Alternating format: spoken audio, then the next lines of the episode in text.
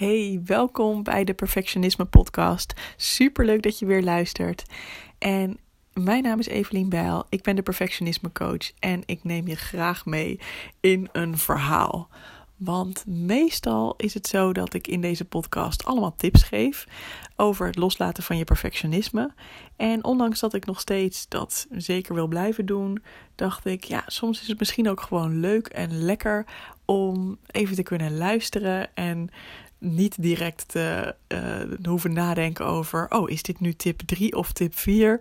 Maar gewoon lekker naar iemand te luisteren die een verhaal vertelt. En in dit geval is het verhaal het verhaal van mijn mannenverslaving. Want dat is iets wat ik vroeger wel echt zo voelde: dat ik een mannenverslaving had. En uh, dat klinkt natuurlijk alsof ik duizend en één mannen heb gehad. En ik heb zeker nogal wat afgedate, gescharreld, uh, rondge, you know what, maar, uh, en ook veel relaties gehad. Maar dat is niet hetgene wat ik bedoel met een mannenverslaving. Want wat mij betreft heeft zo'n verslaving niet per se te maken met hoeveel relaties of dates of scharrels of seks, bedpartners jij hebt gehad. Voor mij zit die verslaving veel meer in hoe je je daarover voelt. Hoe voel jij je als het gaat om het geslacht waartoe jij je aangetrokken voelt? En dat kunnen natuurlijk mannen zijn, dat kunnen vrouwen zijn, dat kan beide geslachten zijn. niet iedereen heeft daar een voorkeur in natuurlijk. Um, maar even los daarvan. Wat ik vroeger namelijk heel vaak had, is dat ik als ik, als ik terugga in de tijd naar toen ik een klein meisje was, um, dan denk ik terug aan een heel verlegen Evelien. Ik was duidelijk nog niet zo zelfverzekerd als ik vandaag de dag ben. En er zat een soort van gevoel in mij dat ik niet helemaal oké was. Ik was wat verlegener dan andere kinderen. Ik denk ook dat ik wat gevoeliger was dan andere kinderen. En een van de dingen die er toen in mijn hoofd opkwam was: Oh, ik zal waarschijnlijk nooit een vriendje kunnen krijgen. Dat was echt iets wat ik al vrij jong dacht. Dus ergens dacht ik al heel vroeg: Oh, het zou echt heel fijn zijn als er iemand ooit verliefd op mij zou worden. Maar ik weet niet of dat wel echt gaat gebeuren. Um, ik was zelf heel vaak verliefd op jongens in de klas. En uh, ook op bijvoorbeeld een camping heb ik wel eens een jeugdliefde gehad. En dan bedoel ik echt toen ik zes of acht was of zo. Dus ik vond die jongens hartstikke interessant. Um, maar er was altijd een beetje zo'n dubbel gevoel bij. Enerzijds vond ik het heel interessant en, en hoopte ik heel erg dat ze mij ook leuk vonden. Maar anderzijds was er ook altijd een beetje die angst voor de afwijzing. Um, later heb ik ook geleerd van, oh ja, wacht even. Als je dat voelt en als je ook heel erg dat gevoel hebt dat jij um, ja, een ander nodig hebt om je goed over jezelf te voelen. Dus eigenlijk die bevestiging nodig hebt dat komt gewoon vaak voort uit het gevoel dat jij als persoon niet voldoende bent. Dat er een soort van leegte in je zit. Nou, ik had het dus eigenlijk al vrij jong. Um, en het komt denk ik ook omdat we allemaal een soort van beeld krijgen in deze maatschappij dat je pas echt meedoet als je een stel bent. alle verhalen zijn erop gericht, zelfs sprookjes en zo, zijn erop gericht dat de prinses uiteindelijk de prins vindt, dat de prins haar uh, kust en beschermt, et cetera. Um, nou, als je dan wat ouder bent, dan zie je misschien in series of in Hollywoodfilms het ideale scenario van uh, een man en een vrouw die een relatie hebben. En je ziet eigenlijk heel weinig om je heen wat afwijkt van die norm. Je, ziet, je kent ook veel mensen die in een relatie zitten of in een huwelijk. Um, te beginnen bij misschien je ouders. Het kan natuurlijk ook zijn dat je ouders gescheiden zijn of dat je maar één ouder hebt. Of, maar nou ja, heel veel kinderen hebben natuurlijk toch twee ouders. En um, als die niet bij elkaar zijn, is daar ook wel eens sprake van ja, dat dat ook vervelend voelt. Dus ook dat kan, dat hoeft natuurlijk helemaal niet, het kan heel vreedzaam zijn, maar ook dat kan weer aanleiding zijn om te voelen van, ja, ik moet gewoon een relatie hebben en dat, uh, dat is gewoon belangrijk of zo. Dat, dat, weet je wel, dat zou voor minder gedoe zorgen. En toen ik uiteindelijk mijn eerste vriendje kreeg, was ik 17 jaar oud. Um, En dat was in Suriname, want daar heb ik gewoond met uh, mijn ouders. Drie jaar lang, mijn ouders en mijn broertje. En dat was een hele leuke tijd. En toen ik 17 was, kreeg ik uiteindelijk mijn eerste vriendje. Nou, dat was echt een ontzettende bad guy, als ik het zo mag zeggen. Hij had overal tatoeages. Uh, hij bleek ook in, uh, in drugs te dealen en zelfs in wapens. Dus uh, ja, eigenlijk niet de ideale kandidaat waarvan je als ouders waarschijnlijk denkt: Oh, leuk, ik hoop dat mijn dochter met zo'n type thuis komt. maar um, het was voor mij in het begin in ieder geval allemaal hartstikke leuk en spannend en exciting. En ik had ook zo'n gevoel van: wow, er is gewoon daadwerkelijk iemand die mij leuk genoeg vindt. En die mij goed genoeg vindt om een relatie met mij te willen. En die mij knap genoeg vindt. Want dat was ook wel um, een van de dingen waar ik me vaak zorgen om maakte. Ik had toch altijd wel een beetje het idee van.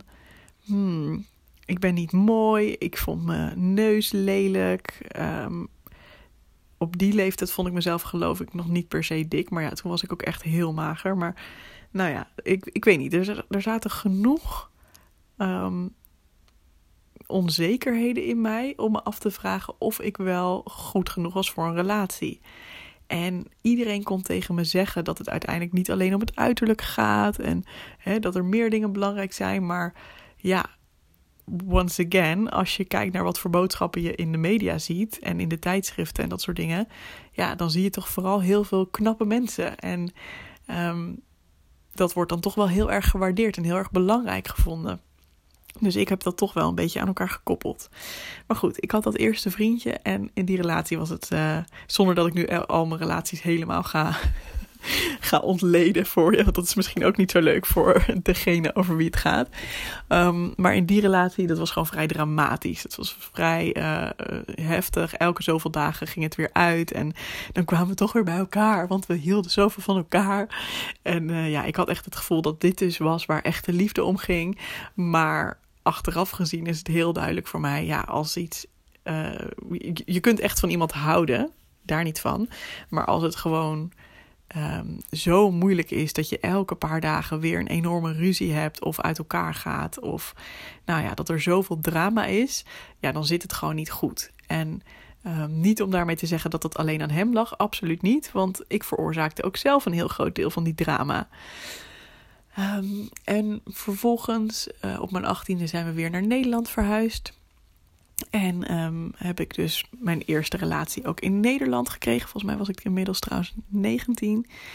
Uh, eh, en wel heel erg leuk. Ik heb toen ook mijn huidige partner leren kennen, Sander. Maar dat was toen mijn beste vriend. Want ik ging studeren en ik ben um, uh, bij een studentenvereniging lid geworden. Uh, en daar heb ik een hele goede vriendin leren kennen, Lisa. En samen met Lisa werd ik beste vrienden met Sander. Uh, daar was in, in, eerste instantie helemaal niet per se sprake van romantiek. Ik vond hem wel eventjes leuk, maar uh, ik geloof dat hij uiteindelijk Lisa leuker vond. Maar ook dat was een kort leven beschoren. Dus wij hadden vrij snel besloten om uh, gewoon als vrienden door het leven te gaan. Maar vanaf dat moment heb ik natuurlijk ook andere relaties gehad. En is Sander daar altijd soort van bij geweest. Hij heeft altijd mijn verhalen gehoord van hoe dat dan, hoe ik dat ervaarde en hoe dat allemaal ging. En een patroon dat toen veel terugkwam in mijn leven is dat ik vond dat de mannen met wie ik aan het daten was, die vond ik dan vaak te lief. En als ik daar nu aan terugdenk, dan denk ik, ja, ook dat is echt een heel duidelijk teken dat ik niet helemaal oké was met mezelf. Want um, ik had dus het idee dat als iemand te lief is, dan vind ik, vond ik hem niet spannend genoeg of zo. Of dan vond ik hem.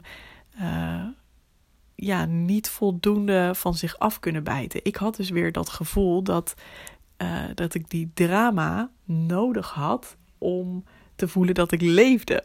Dus als iemand alleen maar lief was en aardig was, dan dacht ik, ja, wat ben jij nou voor zacht ei? En wat is dit toch saai? En weet je wel, dus um, ja, had ik het gevoel dat we niet voldoende diepgang of zo hadden. Maar eigenlijk was ik gewoon doodsbang uh, voor iemand die mij daadwerkelijk helemaal goed vond zoals ik was. Omdat ik dat zelf nog niet vond. Dus als iemand anders dan tegen je zegt van nee, ik vind je gewoon leuk zoals je bent. Dan denk je, nou, dan, zal er wel iets mis zijn met jou. dat was in ieder geval wat ik toen voelde. Dus um, ik uh, bleef maar op zoek naar de, de perfecte partner. Die niet te lief voor mij was. Maar ook niet uh, een enorme klootzak natuurlijk. Dat zocht ik heus ook niet. Um, en wat ik ook merkte is dat als ik niet in een relatie zat, dat ik dan best wel naarstig altijd op zoek was naar bevestiging van mannen in mijn omgeving.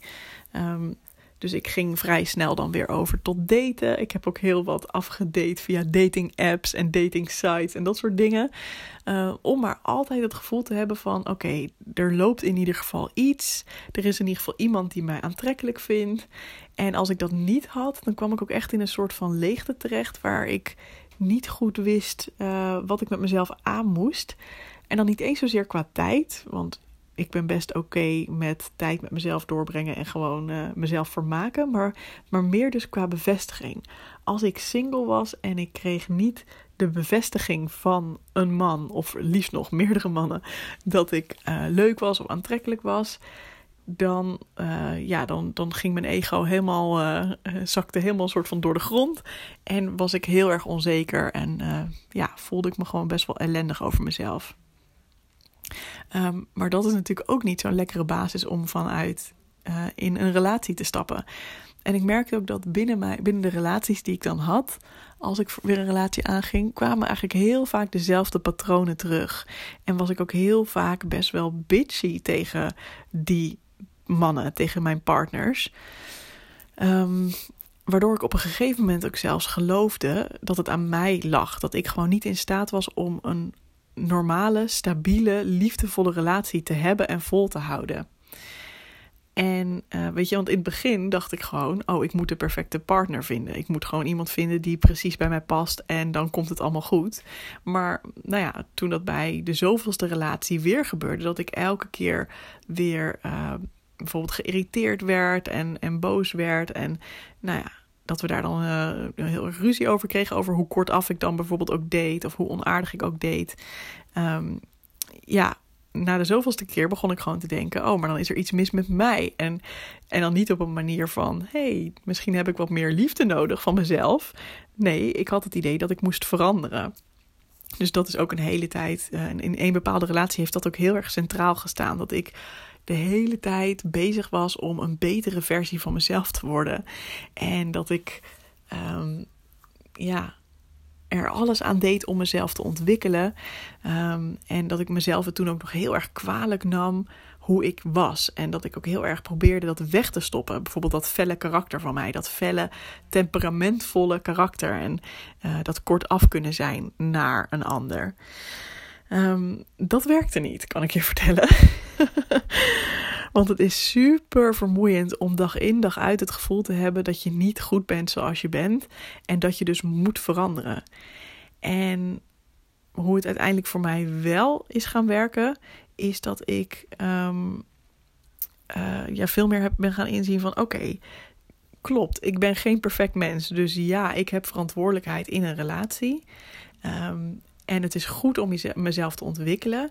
Maar dat wil niet zeggen dat ik een slecht mens ben. Of dat als ik dan een keer uit mijn slof ben geschoten. Of een keer iets niet helemaal perfect heb gedaan richting die ander het helpt niet om dan mezelf dat heel erg te gaan verwijten, heel erg boos op mezelf te worden, urenlang erover te gaan praten met mijn partner en me uit te putten in verontschuldigingen en te zeggen: Oh, de volgende keer zal ik dit nooit meer doen.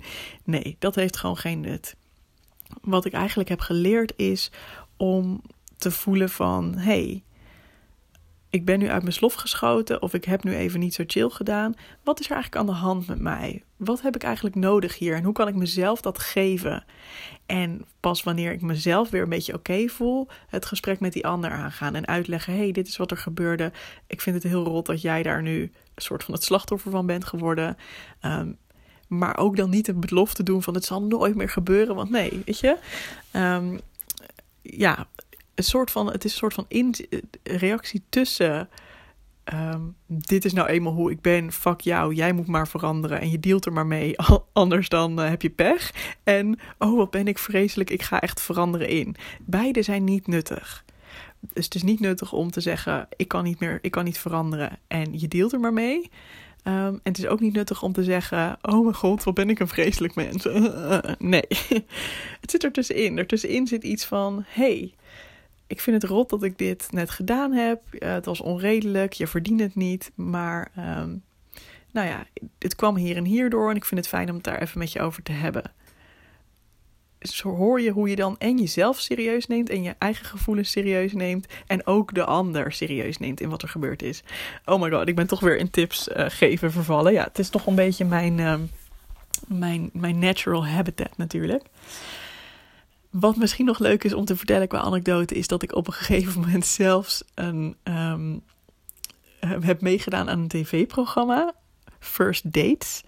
Um, voor wie het niet kent, het is een programma waarin mensen die elkaar nog nooit hebben ontmoet op een eerste date gaan in een restaurant.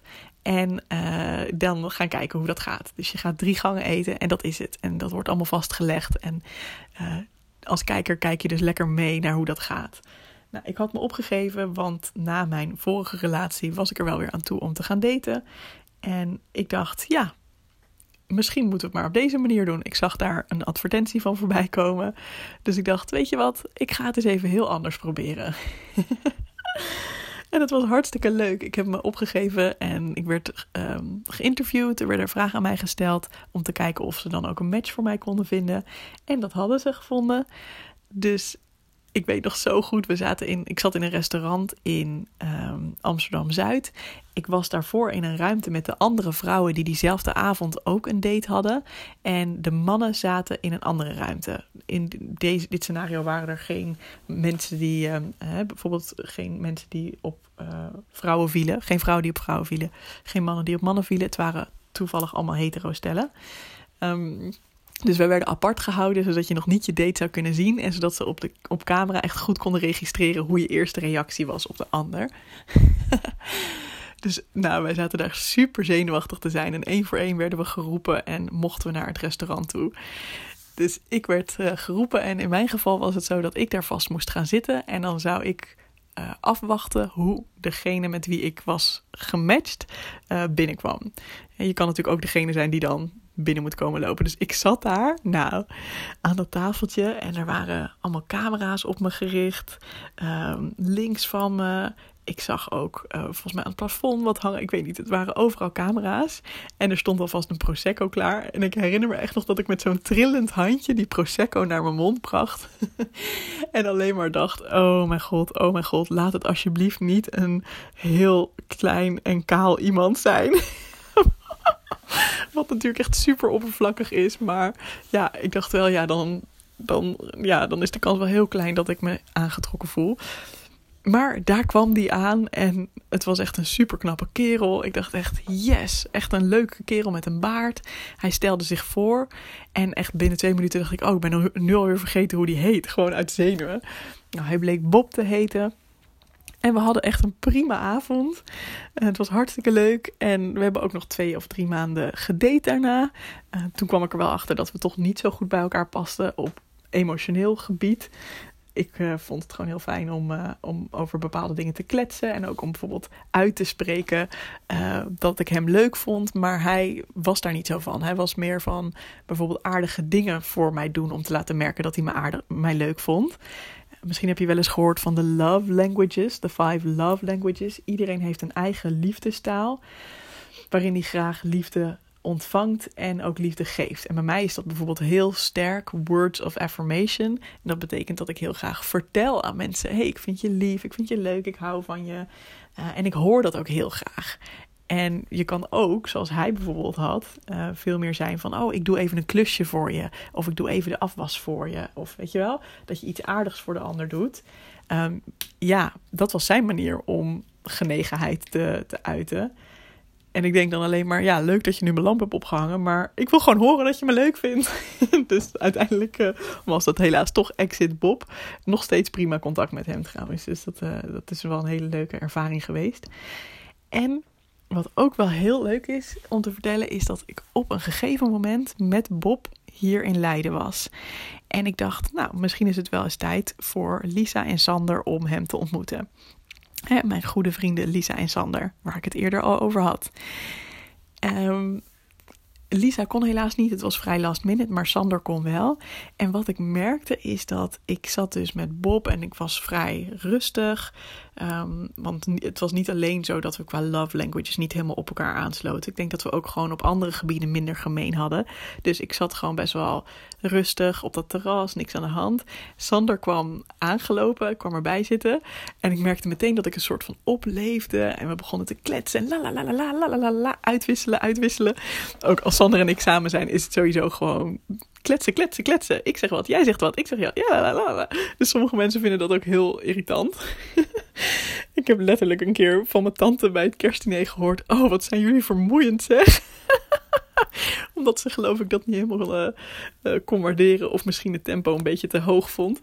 Um, ja, dat is hoe we zijn. Dus het was voor mij heel duidelijk toen Sander ook weer wegging. Toen zakte meteen die energie weer in. Tussen Bob en mij. Toen dacht ik wel, dat was wel een van de eerste tekenen van... Hmm, wacht even, misschien... Um, ja, zijn we toch niet zo'n hele goede match. Want ik voelde me gewoon minder energiek bij hem dan bijvoorbeeld bij Sander. Uh, en vrij snel daarna um, ja, voelde ik toch wel dat ik het leuk zou vinden om, uh, om Sander op een andere manier te leren kennen. Ook al ontkende ik dat nog heel erg in mijn hoofd, want we waren al tien jaar beste vrienden. Maar op een gegeven moment hadden we afgesproken om samen film te kijken. En um, toen is hij bij mij thuisgekomen. En het was echt half elf s'avonds. Dat je ook echt denkt: wie gaat er nou nog een film kijken om half elf s'avonds? Maar oké. Prima. Er was veel drank en ineens gebeurden er dingen. En de volgende ochtend werden we wakker en was het even: oh, hallo, dit is nieuw. Nou, ik kan je vertellen dat het echt wel ongemakkelijke momenten uh, heeft opgeleverd in het begin, uh, af en toe. Omdat je dan ineens denkt: huh, dit is zo raar. Ik ken je al zo lang op een bepaalde manier en nu is het ineens een ander soort relatie. En weet je wel, dat af en toe uh, was een van ons ook even in paniek van... Uh, geven we nou niet onze vriendschap op? Is dat niet uh, ja, spelen met vuur? Maar eigenlijk ging het grotendeels vanzelf. En was het het grootste deel van de tijd gewoon heel fijn en heel gezellig en heel vertrouwd. Um, en ja, dat is inmiddels 4,5 jaar geleden als ik deze podcast opneem. En we zijn al na een half jaar gaan samenwonen. Iets wat ik normaal nooit, ik had dat nooit verwacht. Want ik heb hiervoor dus heel kort samengewoond um, met mijn vorige partner, waarvan ik echt dacht van nou, dit is hem helemaal. Um, en dat is nog steeds een hele goede vriend van me. Maar ja, dat, dat vond ik helemaal niet zo fijn. Daar voelde ik me eigenlijk helemaal niet zo relaxed bij. Um, omdat ik steeds nog het idee had dat ik beter moest zijn dan ik was. Maar ik merk dat ik nu dus een relatie heb waarin ik gewoon oh, lekker ontspannen de echte Evelien kan laten zien. En dat geeft me gewoon heel veel ruimte om ook bijvoorbeeld mijn eigen bedrijf op te starten. Dat is allemaal gebeurd in de afgelopen jaren. Dat ik eindelijk voelde van, oh chill, dit, dit klopt gewoon, dit stukje. Hier hoef ik niet meer zoveel energie in te steken. Natuurlijk steek je nog steeds heel veel energie in relatie, maar je begrijpt hopelijk wat ik bedoel, weet je? Dat het gewoon, dit zit gewoon goed, dit is gewoon een fijne basis en van hieruit kan ik allemaal mooie dingen gaan neerzetten en ja, word ik gewoon gesteund en geliefd. En oh my god, ik vind het echt heel, heel bijzonder. Um, ja, en eh, om ook alles even te relativeren, onze relatie is ook absoluut niet perfect.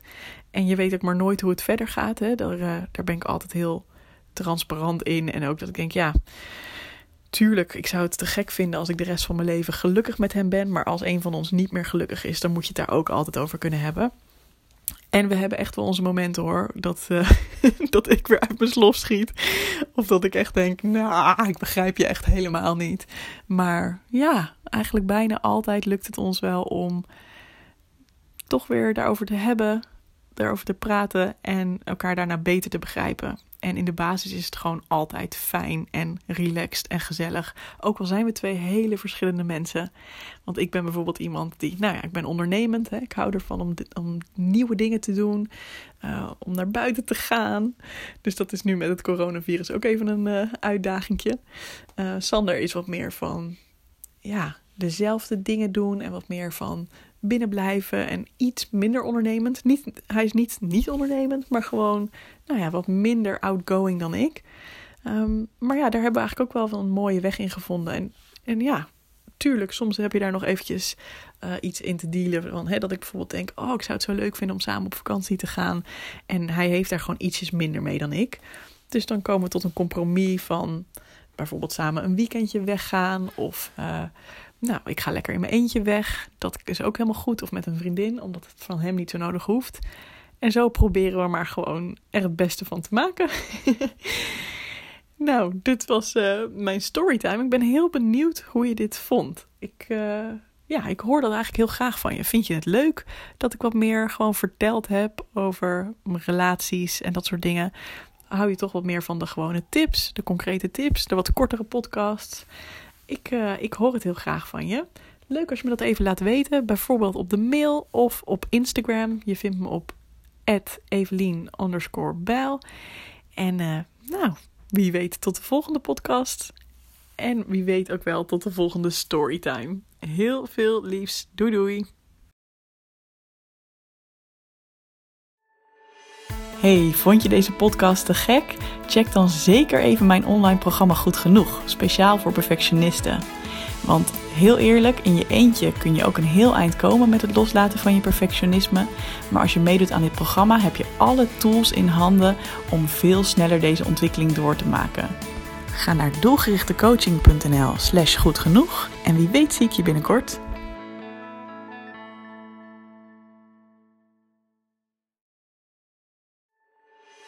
Hey, vond je deze podcast te gek? Check dan zeker even mijn online programma Goed Genoeg, speciaal voor perfectionisten. Want heel eerlijk, in je eentje kun je ook een heel eind komen met het loslaten van je perfectionisme. Maar als je meedoet aan dit programma, heb je alle tools in handen om veel sneller deze ontwikkeling door te maken. Ga naar doelgerichtecoaching.nl/slash goed genoeg en wie weet zie ik je binnenkort.